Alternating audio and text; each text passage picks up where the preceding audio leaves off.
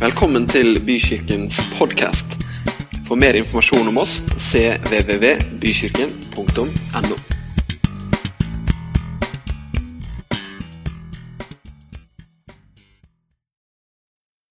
Det jeg har lyst til å snakke om, selv om jeg skal ta utgangspunkt i boka Oi, jeg har, det var godt det ikke var langt ned der. Eh, det er egentlig om å være hjemme og til stede i de livene som vi faktisk lever. Eh, og Knut Hamsun han eh, skrev sånn som dette her, at mennesket skal ikke være alle steder fra, det skal være hjemmefra. Eh, og saken er jo den at vi alle kommer fra et sted, er på vei et sted. Vi blir født og dør, har utfartstrang og hjemlengsel. Eh, men jeg skal snakke om å være hjemme nå, så er det liksom ikke hjemsted eller mors kjøttkaker jeg snakker om. Det er litt den dypere erkjennelsen og, og lengselen som jeg tror vi alle kan kjenne på. Det at vi liksom er båret inn i livet av større hender enn våre egne. Eh, og Kirkefader Augustin han sa det sånn som dette her, at Gud, du har skapt oss til deg. Våre hjerter er urolig inntil de finner hvile i deg. Eh, og så kan du liksom lure på, Det er jo litt pussig å skrive en bok som heter 'Men vi var ikke hjemme under koronaen'. Er det noe vi var, så var det vel å være hjemme. Uh, og det er ikke en bekjennelse på at vi skulle vært hjemme, men vi var det ikke, som svogeren min foreslo. at den neste boka, Men vi brukte ikke munnbind. Uh, det går ikke på det. Men det her kommer faktisk fra en sommer for noen år siden.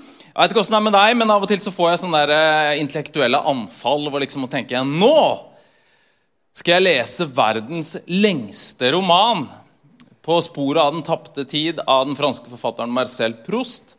Sju bind. Så jeg legger meg ut på, på, på verandaen og begynner å lese. Og Etter en halvtime så hører jeg liksom Jo Nesbø og de andre krimbøkene begynner å rope inne fra stua, for det var dritkjedelig. Eh, så Marcel Proust har blitt den forfatteren som jeg elsker å sitere, men eh, ikke liker å lese. Eh, og det er litt sånn at jeg liker konseptet Prost mer enn eh, selve forfatteren Prost. Og sånn er det jo ofte med livet. dere. Vi kan jo like ideen om livet mer enn vi liker livet som vi faktisk lever.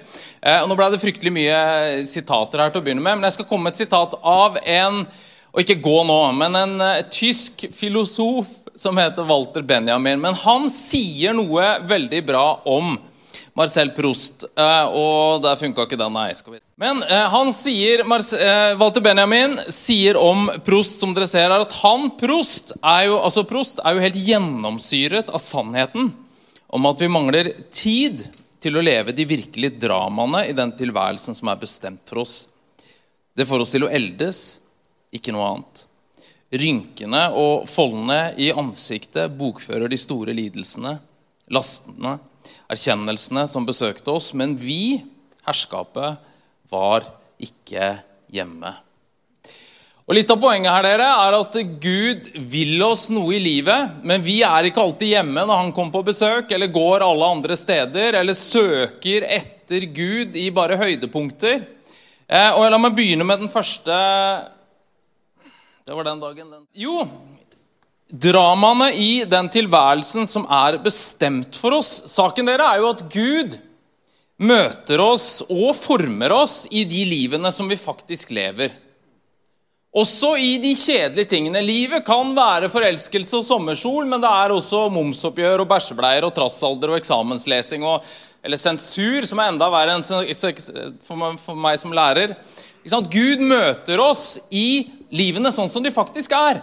Og så er det en fare, ikke minst i vår tradisjon, og nå snakker jeg som pinsevenn, og det er at vi fort leiter etter de ekstraordinære opplevelsene igjen og igjen. At Gud skal gjøre noe stort og nytt og radikalt, og det tror jeg han skal.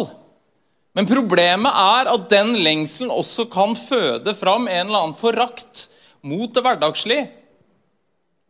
Og saken er jo den at eh, det som fort skjer da, at det utvikler seg en eller annen sånn uheldig og uhellig dualisme eller motsetningsforhold mellom det åndelige og det materielle, eller det hverdagslige og det spesielle.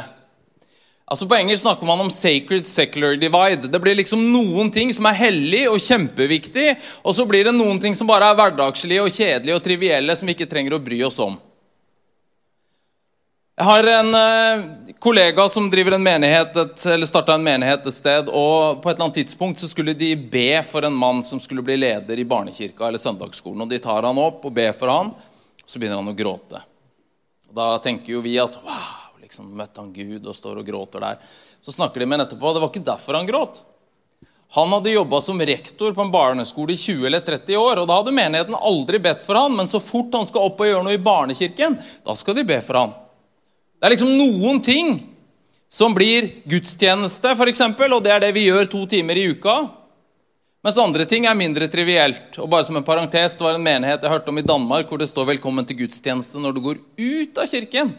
Gudstjenesten slutter jo aldri. Vi tjener jo Gud hele tida. Men poenget er at vi må ikke lage dette skillet mellom at Gud liksom bare møter oss her til stede i noen typer ting, og så er han langt borte i andre ting. Et annet eksempel da, jeg vet ikke, Hvem er det som vet hva finsk fjernsynsteater var? Så bare finne ut hvem som er liksom over 40 her. Du som lurer på hva han prater om. Nei, du har ikke gått glipp av noen ting. Men eh, da husker dere kanskje også på 80-tallet at eh, man drev og kjørte plater baklengs. Særlig rock, for da var det Devil Devil og Satan på alt, liksom.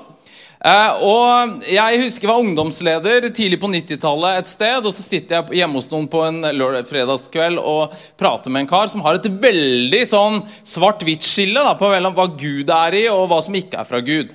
Det var nemlig sånn at Sanger kommer enten fra Gud, eller så kommer de fra Satan. Og Så spør jeg han, hva tenker du om Bæ lille lam, da? Hvor kommer det fra, liksom? Nei, det kommer jo ikke fra Gud. Så da kom det fra Satan. Han må ha skikkelig vondt da når ungene sitter og synger 'Bæ, bæ, lille lam'. liksom. Poenget mitt jeg Beklager de ekstreme eksemplene. men Poenget er at vi må ikke lage dette skillet, for Gud er i det vanlige og ordinære også. Vi trenger å ordinere det ordinære for livet. Gud møter oss ikke bare i, med store bokstaver og fyrverkeri. Livene våre trer jo fram mellom de tingene som vi går igjennom i hverdager, i høydepunkter og i kjedelige omgivelser. Det er sommersol, men det er stormnetter. Det er diadem, og det er diaré. Det er liksom, Der har du livet. Det er hele spennet, og Gud er i begge deler. Og dere, Derfor trenger vi å trene til stedeværelsen vår. Som at vi er til stede i livet og finner Gud i livet sånn som det faktisk er. Og Per Fugelli, sosialmedisineren som sikkert noen av dere husker, han som drev og stal blomster opp i Botanisk hage i Oslo hele tida, eh, og en av Norges ledende medisinere, han brukte dette ordet 'nok-punktet', som jeg tror er utrolig bra. Han snakker om nok-punktet. Vi må finne et punkt i livet hvor det er godt nok. For det er helt greit å leve et greit liv. Problemet er at alt liksom dyttes fram i vår tid, at det må være så ekstraordinært og spesielt. Saken er at vi må tilpasse kapasitet og krav. For altfor ofte, ikke minst sånn som det er altså Det at vi er skapt i Guds bilde, det er vårt adelsmerke. Vi, vi, er verdifulle uansett hva vi får til, for vi er skapt i Guds, merke, Guds bilde. Det er vårt adelsmerke, men det er også vår akilleshæl. For det gjør at vi er skapt med noe lengsel etter å få til noe stort. Og i vår tid så fostres det og boostes av sosiale medier og alt mulig vi skal gjøre hele tida. Sånn, så du kikker inn på, på, Facebook eller Instagram, så er det Flinkensterken som har vært på enda en fjelltopp. liksom. Og så kommet hjem og lagd en sjuretters middag før han da har tatt ungene med på et eller annet fotballturnering den helga. Og du liksom bare tenker hva er livet mitt? Det er jo, Jeg får jo ikke til noen ting. Men saken er den der at vi må tilpasse kapasitet og krav. Og Det kan være kjedelig. Liksom finne begrensningene som er i livet, men samtidig så må vi møte Gud i livet sånn som det faktisk er.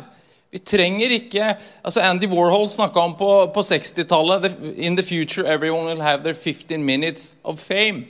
Og Det er jo den tida vi lever i. Alle skal opp og bli berømt. Så folk kaster jo fra seg klær og forstand og alt mulig bare for å bli kjent. Altså Det sier vel sitt der at i 2014 så var det Det sier sikkert litt om svenskene òg, men i 2014 så var det flere søkere til Paradise Hotel i Sverige enn det var til landets lærerutdanninger. What?! Jeg mener, Det sier veldig mye om tida vi lever i. Hvis du klikker en gang til nå Vi mangler tid til å leve. Og La meg først bare stikke en kjepp i eikene her. på liksom, og tenker vi at ja, det er så travelt i vår tid. Ja, vi kan jo føle det sånn. Men samtidig så viser forskningen også at det er ikke det at vi egentlig har noe mindre tid enn de hadde før. Det er mye forskning som viser at i Vest-Europa og i Nord-Amerika så har vi mer tid nå, både til eh, både fritid og etter arbeid, enn det man hadde for noen generasjoner siden. Og I Storbritannia var undersøkelser som viste at gjennomsnittsbriten sov ved 43 minutter mer i 2015 enn i 1974. For det er noe med det at altså, Tid og hastighet er også sosialt forstått. Så når togbanen, Norges første togstrekning, åpna mellom det som da het Kristiania, Oslo og Eidsvoll, så var det noen som var bekymra for den utrolige hastigheten som dette toget hadde, at det utfordra menneskenaturen. Den gikk nemlig 27 km i timen. Men saken er den der at vi kan føle Poenget, tror jeg, som gjør at vi kan føle dette stresset i vår tid, det er at vi alltid er påkobla. Vi lever i en tid mens man i tidligere tider i mye større grad ble styrt av døgnrytmer, av årstider og sånne ting, så er vi alltid på. Arne Johan Vetlesen, filosof på Universitetet i Oslo, han snakker om det døgnåpne mennesket. Han sammenligner oss litt med en mobil som aldri slås helt av. I beste fall så settes den på hvilemodus, liksom. Vi er alltid på. Det er alltid noe vi skal gjøre. En annen eh, professor på Universitetet i Oslo, Thomas Hylland Eriksen, snakker om øyeblikkets tyranni. Det er en bok som er 20 år gammel, og det sier vel litt at den har blitt utdatert. selv om den er 20 år gammel. Øyeblikkets tyranni. Det er det at liksom vi utsettes for press. og vi kan, jeg mener Du har fått hele verden inn på mobiltelefonen alltid noen som kan Du kan jobbe når du vil, for du har jo mobilen og PC-en din hjemme. ikke sant? Det er liksom, Vi utsettes for et helt annet tidspress enn man gjorde tidligere. og Derfor dere, trenger vi trenger å trene tilstedeværelsen for å være til stede i livene våre, men vi trenger også å temme tiden. Fordi altså, vi trenger av og til å ta steget tilbake og så må vi tenke på hva er det vi driver med, og hva er det som driver oss, og hva er det vi drives mot. For Det er akkurat som det er jo, jeg sier ikke, det jeg har vært veldig redd for når jeg prater om dette her etter koronaen, er jo at folk liksom skal ikke gjøre en dritt. Det skjedde jo noe da at folk trakk seg bort fra alt og mener vi lever i en verden hvor det trengs flere hender i arbeid, ikke færre. Men likevel, det jeg tror vi trenger, det er skiftene mellom det som noen har beskrevet som rask tid og langsom tid. Det er det Hylland Eriksen bruker. Altså, det er en eh, amerikansk eh, eh, psykolog som snakker om multitemporalitet. Vi trenger å skifte mellom ulike typer tid. For du vet, Det er greit at du gjennom uka liksom klatrer opp stigen på jobben. eller hva det skal være, og Nå bruker jeg det som en metafor, ikke at du er brannmann eller maler. Det er greit at du, har, du, går i en retning, men av og til så bør du gå ned og se at den stigen faktisk står reist mot riktig vegg. Og det samme i vårt kristne liv. Altså Hvis du bare liksom svirrer og går og holder på med ting, så ja, hvordan veit du at det er Kristus du følger, og ikke bare en eller annen karikatur som har fått tak i mikrofonen? Nå tenkte jeg på meg sjøl, kanskje det er det det er her i kirken i dag. Men saken er dere, vi trenger disse skiftene. Vi trenger det som noen har beskrevet som å leve med marg. Og De som er gamle nok som meg, som husker når vi fikk utdelt skrivebøker på skolen og skulle lære skjønnskrift, så det første vi måtte gjøre, det var å lage en marg i boka. Hvorfor det? Hvorfor, og Ut fra et miljøperspektiv. Vi bør jo skrive på hele arket. Jo, Poenget var at læreren skulle kunne gi noen kommentarer i feltet der. Sånn trenger vi å gjøre i livet vårt òg, dere. Vi trenger å lage en marg.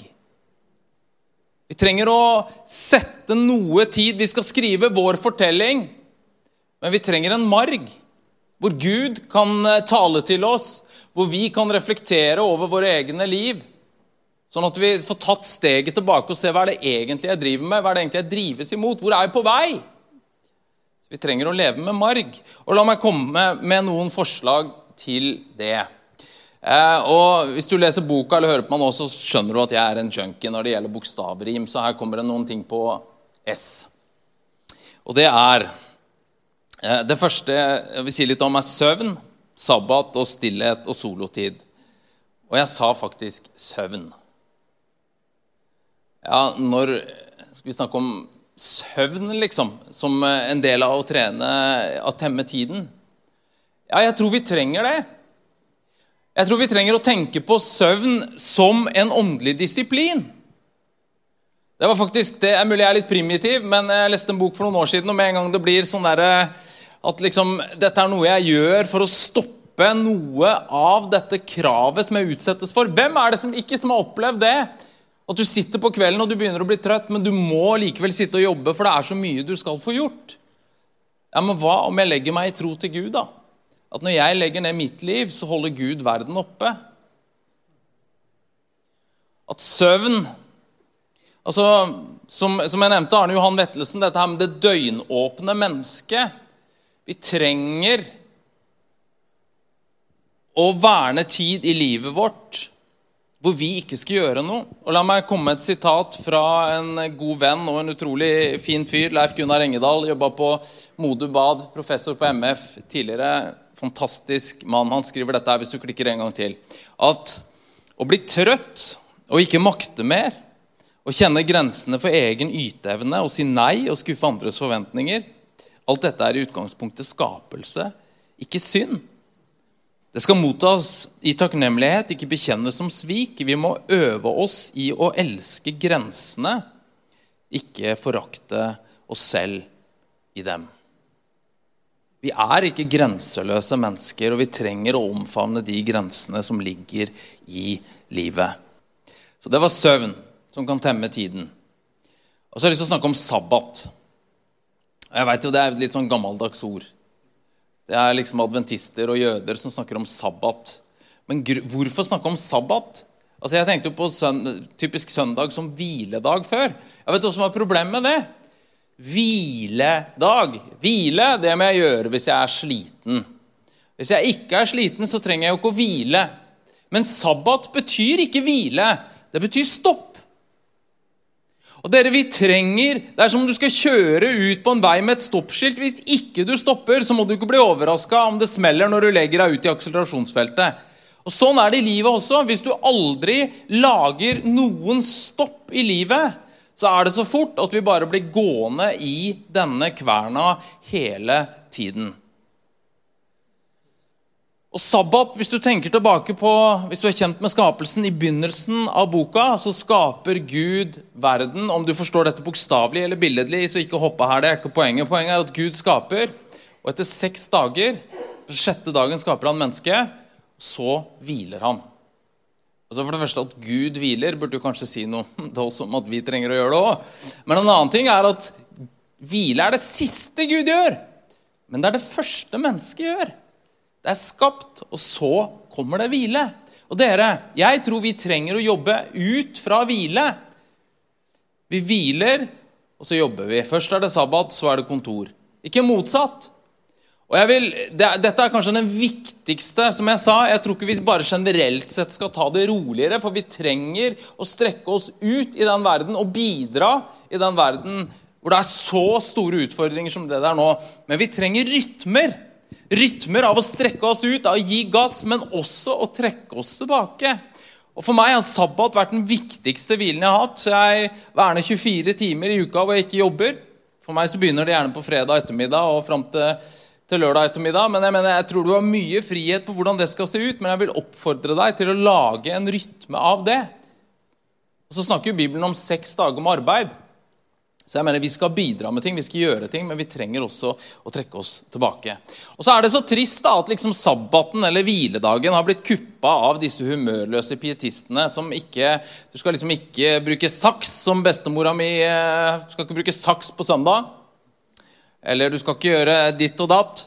Uh, Eugene Peterson, en av favorittforfatterne mine, han, han bruker, når han skal beskrive sabbat, så snakker han om 'praying and playing'. Det handler om å be og le, eller be og leke. Vi trenger begge deler. Og Problemet er at noen samfunnet vårt, hvor du har liksom de grenseløse hedonistene Da skal vi bare ha lek og moro, men ikke bønn. Og så har du disse humørløse pietistene hvor det bare skal være bønn og ikke lek og moro. Vi trenger begge deler. Og Sabbaten er en dag hvor du midt i alt det kavet du gjør, så verner du noe tid. Og plutselig har du et hav av tid. Sabbaten er den dagen jeg gjør i morgen det jeg kunne gjort i dag. Sant? Hvor jeg ikke skal bære alt, men hvor jeg er båret. Og så en siste, eller to siste s-er stillhet og solotid. Og Solotid er litt som Vazelina Bilopphøggers over, oversettelse av 'solitude' på engelsk. Men det er tid alene. Vi trenger også denne stillheten i livet vårt. Jeg mener, Vi bombarderes med inntrykk hele tiden. Jeg tror det er utrolig viktig, og så vil det se ulikt ut for ulike mennesker. Men det å skape dette rommet i livet sitt til å trekke seg tilbake Og hvis du trykker en gang til du, Et av mine favorittsitater er fra en indisk eh, eh aktivist som heter Arundhati Roy. Hun skriver at en ny verden er ikke bare mulig, hun er allerede på vei. På en rolig dag kan jeg høre henne puste. Hvis du trykker en gang til. På en rolig dag dere, det trengs ro og et trent øre for å høre lyden av en annen verden. Altfor ofte er det eneste vi hører, peset fra vår egen. Og For oss som kristne også. Jeg tror jo at Gud holder på å gjøre noe nytt i verden. Men da trenger jeg også å skape dette rommet til å lytte til hva Gud har å si. For hvis dere, vi skal gå ut i verden og forvandle den i Guds navn, da trenger vi først å komme til Gud og bli forvandlet av Han. Saken er den dere, at vi trenger jo både i livet Vi puster jo både inn, og vi puster ut. Altså jeg mener, Hvis du bare puster inn, da blir du oppblåst. Og hvis du bare puster ut, da blir du tom. Og Vi trenger begge disse bevegelsene i det kristne livet. Vi trenger å trekke oss tilbake, og vi trenger å strekke oss ut. Problemet er at vi altfor ofte havner i en av grøftene. Så her borte har du de proaktive, de framoverlente. De som ikke for sitt bare liv kan skjønne at én kvinne må gå gravid i ni måneder. Hvorfor kan ikke ni kvinner gå gravid i en måned hver? Det er de som hører, de hører bok om mindfulness på dobbel hastighet. ikke sant? Du vet, de her folka her. De trenger å lære seg å roe ned. Og så her borte så har du de som er i den åndelige spa-avdelingen. Det er Jesus, meditasjon og urtete. Liksom. Du sitter bare på retreat. og ja, Jeg har vært på noen sånne retreat hvor jeg tenkte at du trenger ikke en retreat til. Du trenger en støvel i baken og begynne å gjøre noe. Saken er at Vi må ikke havne i en av grøftene. Vi må heller lage rytmer i livet vårt hvor vi gjør begge deler. Vi må strekke oss fram og bidra med noe, men vi må også trekke oss tilbake. Og for å lage rytmer av å være til stede i eget liv og finne Gud i det livet som vi faktisk lever. Og En som har skrevet veldig godt om dette, hvis du klikker enda en gang, det er eh, en som heter Henry Nowen. Opprinnelig fra Nederland, katolsk prest, også psyk eh, psykolog, jobba på Harvard og skrevet utrolig mange gode bøker. Og I denne boka her så snakker han om eh, disse bevegelsene i det kristne livet. Hvis du klikker enda en gang nå, så snakker han først om Og en gang til. Der, ja. Han snakker om det som han eh, kaller for 'ministry of presence'. Og det er tjeneste gjennom nærvær. Og det er det Vi trenger å tjene ved å være nær mennesker. Ved å være aktive, ved å handle. Men så skriver han også et klikk til om 'ministry of absence'. Tjeneste gjennom fravær. Og det handler om å trekke seg tilbake. Om å lage ro til det som kalles det kontemplative, altså refleksjonen, bønnene. Være ventende, undrende, være i tilbedelse til Gud. Og vi trenger begge deler. Og Hvis du ser i Jesus sitt liv i evangeliene, så er det nettopp dette han gjør. Han helbreder og forkynner og er med folk, og så trekker han seg tilbake til ødemarken for å bare være alene med Gud. Og Jeg tenkte jo mange år at dette er jo kjempeviktig. Skal jeg ha noe å gi til noen, så må jeg bruke tid med Gud alene. Men så sier, sier uh, Nowen at ja, men tilbedelse er ikke noe du gjør for å kunne tjene. Tilbedelse er tjeneste. Hvis ikke så blir jo Gud bare en eller annen maskin eller automat som vi kommer til for å få noe. Jeg mener, Da blir tilbedelsen instrumentell. Det å være aleine med Gud er tjeneste. Og vi trenger begge deler i livet. Så vi trenger disse rytmene, dere. Og det er kanskje skal jeg oppfordre deg til én ting som du kan tenke gjennom eh, etter det er ferdig her, så er det kanskje det. Hvordan kan disse rytmene se ut i livet ditt? Hvordan kan balansen være mellom å strekke seg ut og trekke seg tilbake? Om å skape rom i livet, både til å være aktiv, men også til å være til stede i eget liv og finne han der hvor han er. Da kan vi egentlig bare slå den skjermen. Jeg har ikke noe mer som kommer der. Saken er at Gud Altså, Jesus sier jo både 'kom til meg', så sier han 'gå for meg'. Og Det kristne livet kan oppsummeres i et av slagordene til Den norske turistforeningen, som er 'meld deg inn, kom deg ut'. Jeg mener, det, jeg syns det oppsummerer det kristne livet ganske godt. For vi, jeg mener bare det at vi samles sånn som dette her. Da puster vi inn, og så sendes vi ut i livet ellers. Og Sånn trenger alle sammen å lage rytmer av. Trekke seg tilbake og strekke seg ut. Og Jeg skal avslutte med kanskje den mest kjente fortellingen av å komme hjem i hele Bibelen, i Lukas 15. Og Jesus eh, forteller jo dette. Han får, eh, får, kritikk fra de religiøse lederne, for han henger med feil folk. Og så forteller han denne historien som sikkert de fleste av dere kjenner fra Lukas 15, om en far som har to sønner. Og når han forteller den i setning nummer to, så er den yngste sønnen frampå og sier at han vil ha sin del av arven. Men du snakker om drittsekk. altså Han vil jo basically ha faren sin død og ha pengene hans. Men faren går med på det likevel, så han gjør opp boet, og sønnen får pengene. Og så står det at denne yngste sønnen han drar til et land langt borte. Jeg digger at Jesus sier det, at han ikke sier hvor han drar, for da kunne vi alle kryssa på lista at der drar ikke vi. Men et land langt borte. Altså dette, Hva er dette landet langt borte? da? Det er Las Vegas for viderekommende, liksom. Det er eh, Han drar dit og kaster bort penger på piker, vin og sang, på et vilt liv. Så går det slutt på alle pengene. Så blir det hungersnød i landet. og Han er sulten, så han har ikke noe jobb. Han går til noen og spør om å få en jobb å gjøre, så blir han sendt ut for å passe grisene. Han er så sulten at han har lyst til å spise grisematen. Og da kommer han til seg selv, står det. Så han tenker at han begynner å forberede en forsvarstale. Skal si til pappa at han veit at selv tjenestefolka hjemme hos faren har det bedre enn han har det der. Han sier at 'far, jeg har syndet mot himmelen og mot deg'. Jeg er ikke lenger verdig å kalles din sønn. Men kan jeg i hvert fall få en jobb som en av dine tjenestekarer? Og så begynner han reisen hjem.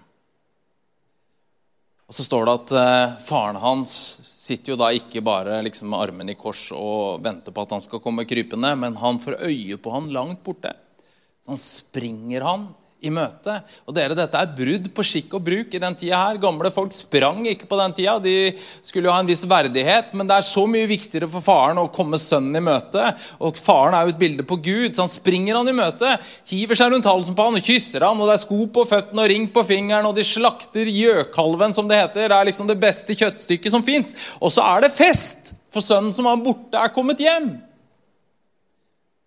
Og Jeg veit ikke hvor du er i denne situasjonen her. Kanskje har du hatt en bevegelse mot landet langt borte? Kanskje har du hatt en bevegelse på vei bort fra Gud? Jeg veit ikke, men uansett så har jeg lyst til å si til deg at uh, Gud står ikke der liksom med sjekklista for å se at alt er i orden. Gud springer deg i møte og inviterer deg inn i relasjonen med han. Men så er det en annen sønn også i denne fortellingen her. Det er den eldste sønnen. Det står at han er ute på markene. Jeg tenker at han er helt på jordet, fordi han hører at det er fest. Så han spør en av de andre tjenerne hva er det som skjer. Og så sier, faren, eh, sier en av de andre tjenerne at jo, broren din har kommet hjem. Og nå har faren din satt i gang en fest. Der ville jeg tenkt at da springer han inn og er glad òg, men det gjør han ikke. Han står på utsida, er sur, og han vil ikke komme inn. Så faren går ut og inviterer han inn, men da sier han at du, jeg har vært her hjemme hele tida. Mens broren min har dratt til landet langt borte, sløst bort pengene. Men han lager du fest for. Meg har du ikke engang slakta en geit for tidligere. Altså, Dette er broren som sitter over Excel-arket, og farsrelasjonen hans er en transaksjon.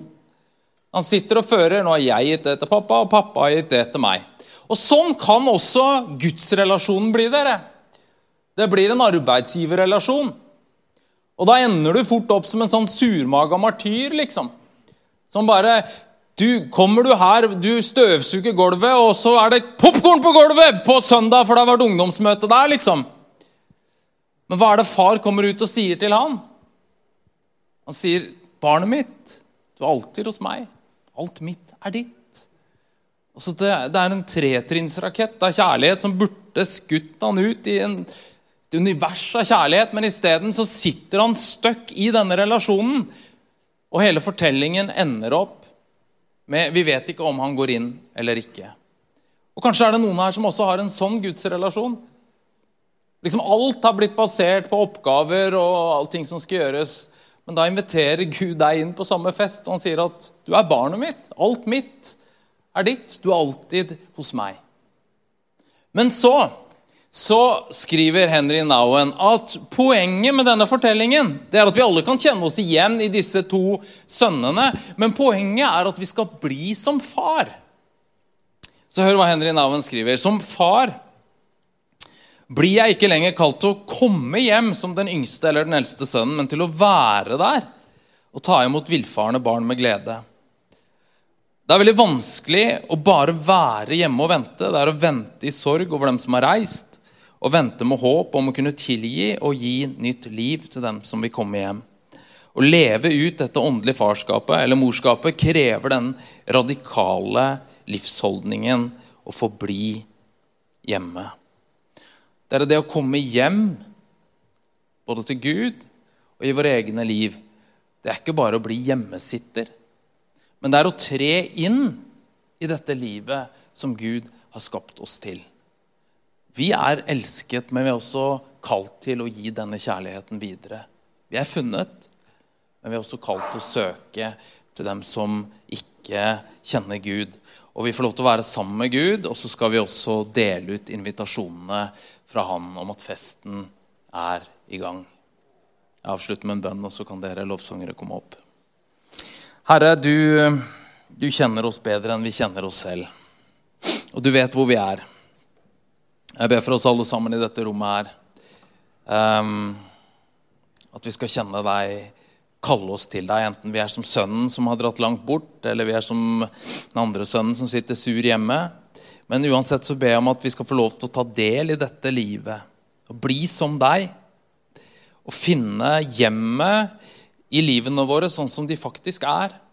Finne deg og bygge en relasjon med deg som er bærekraftig, sunn og stabil. Jeg ber spesielt for dem som har kommet inn i dette rommet, som går gjennom en tøff og tung tid, Herre. At du skal tenne ditt lys og gi av din kraft. Og hjelp oss alle sammen til å lage rytmer i livet hvor vi er til stede med deg og oss selv. Amen.